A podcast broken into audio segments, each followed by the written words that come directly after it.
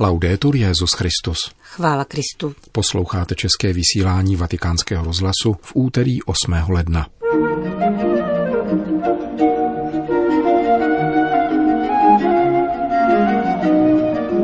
Láska netoleruje lhostejnost, kázal papež František při raním v kapli domu svaté Marty.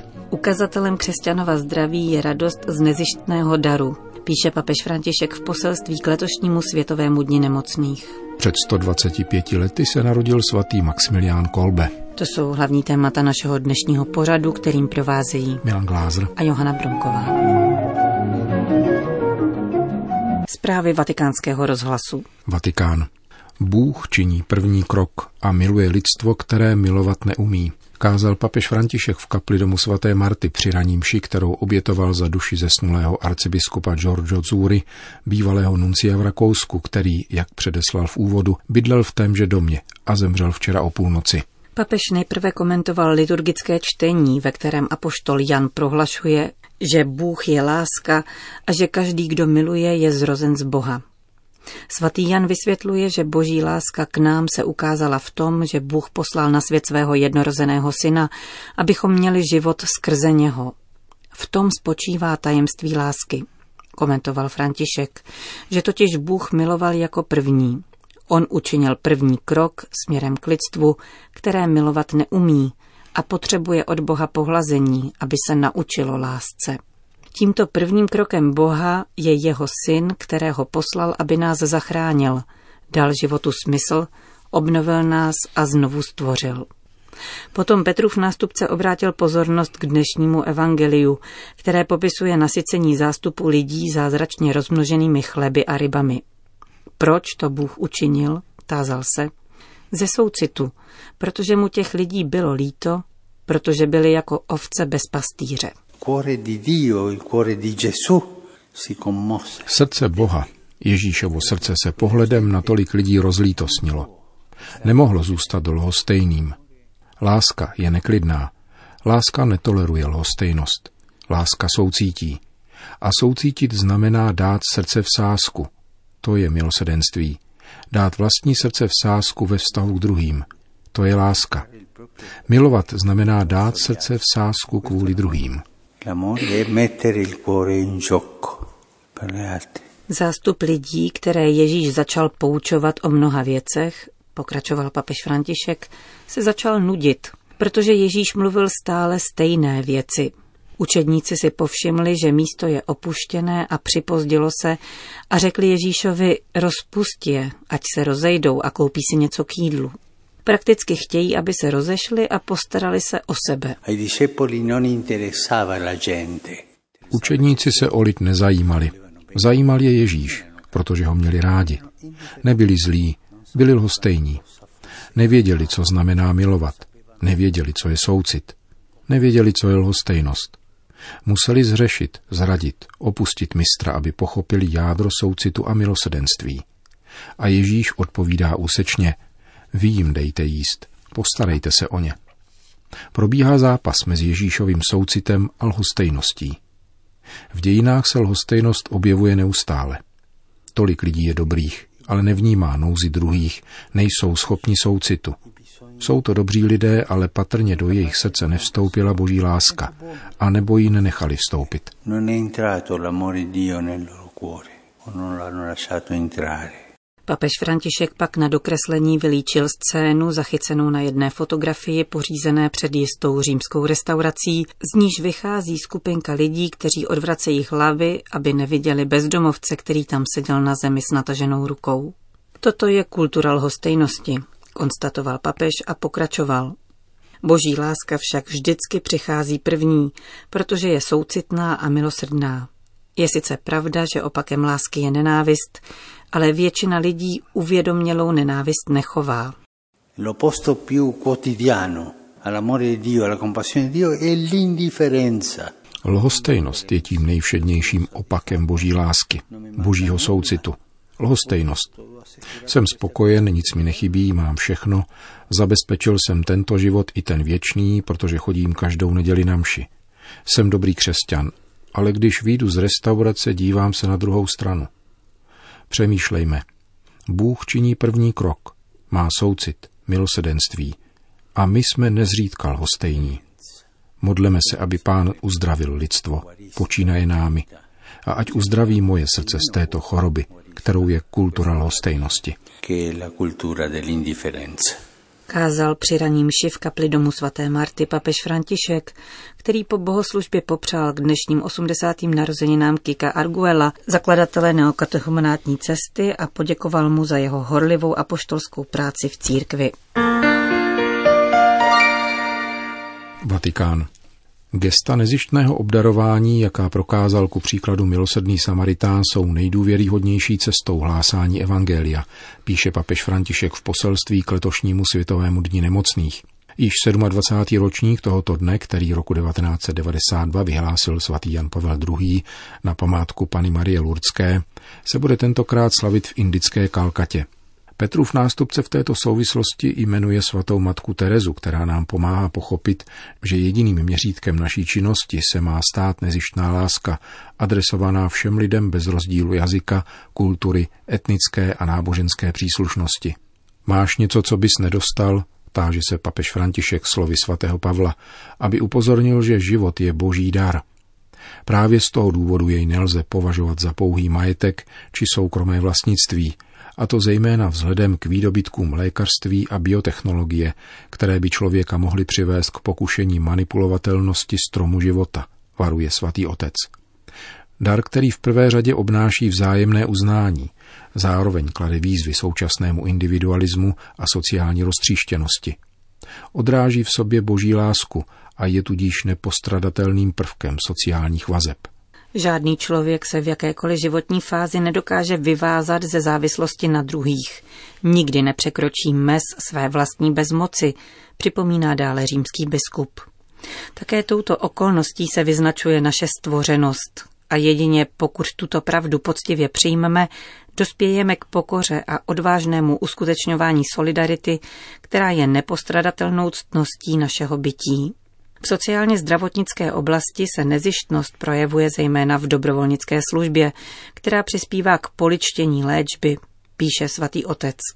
Kultura nezištnosti a daru by hlavně v katolických zdravotnických zařízeních měla přispívat k překonání skartační kultury zaměřené na zisk.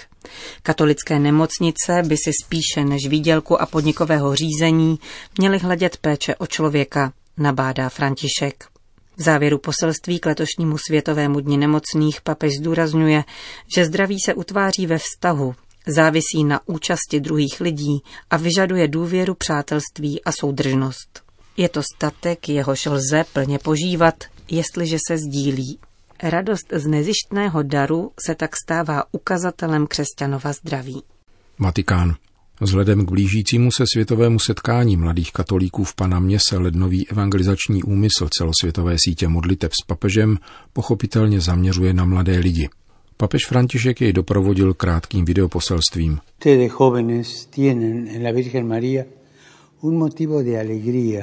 Vy, mladí lidé, nalézáte v Paně Marii důvod k radosti a zdroj inspirace. Využijte světový dní mládeže v Panamě, abyste s Marií kontemplovali Krista. Každý ve svém jazyce se modleme růženec za mír.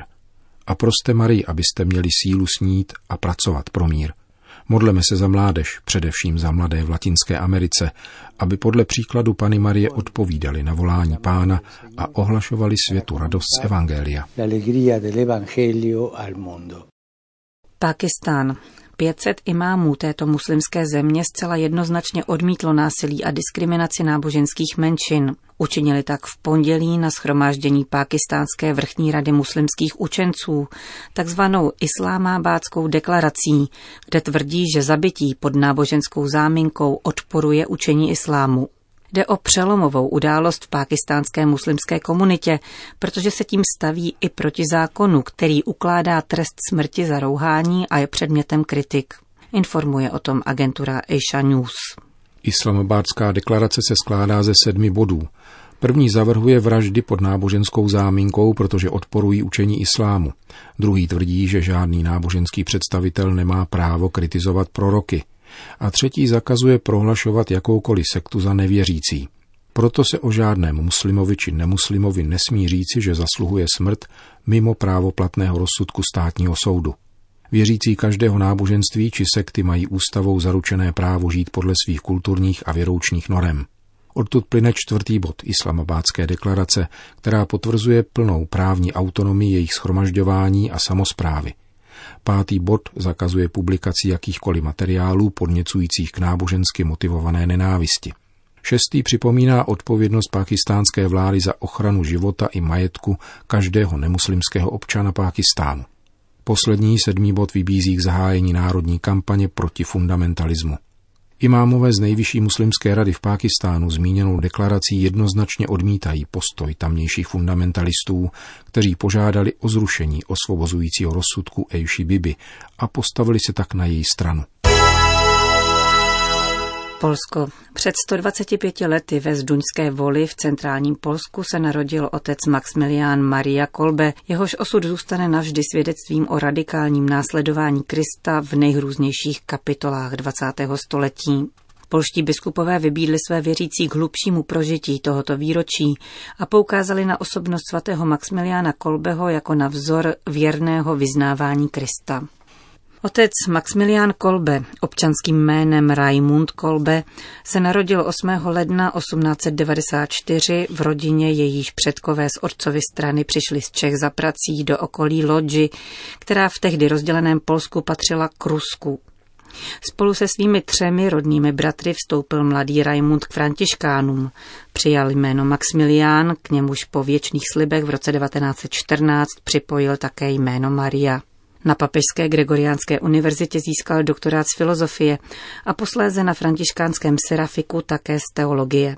Kněžské svěcení přijal v roce 1918 v Římě a svou první mši svatou sloužil v kostele San Andrea della Frate, kde se loni 29. dubna slavilo její sté výročí. Již za svých římských studií založil se svými spolubratry v roce 1917 společnost rytířů neposkvrněné a po návratu do Polska začal v Krakově vydávat katechetický měsíčník Rytíř neposkvrněné, jenž záhy získal nesmírnou popularitu.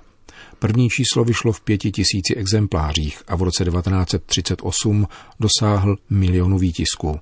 V roce 1927 založil u Varšavy klášterní městečko Nepokalenov, které se ve 30. letech se svými více než sedmisty členy mělo stát největším klášterem na světě. Tam také přenesl centrum své stále se rozrůstající vydavatelské činnosti, která se neomezovala pouze na náboženská témata, ale dotýkala se také sociálních, politických a kulturních otázek.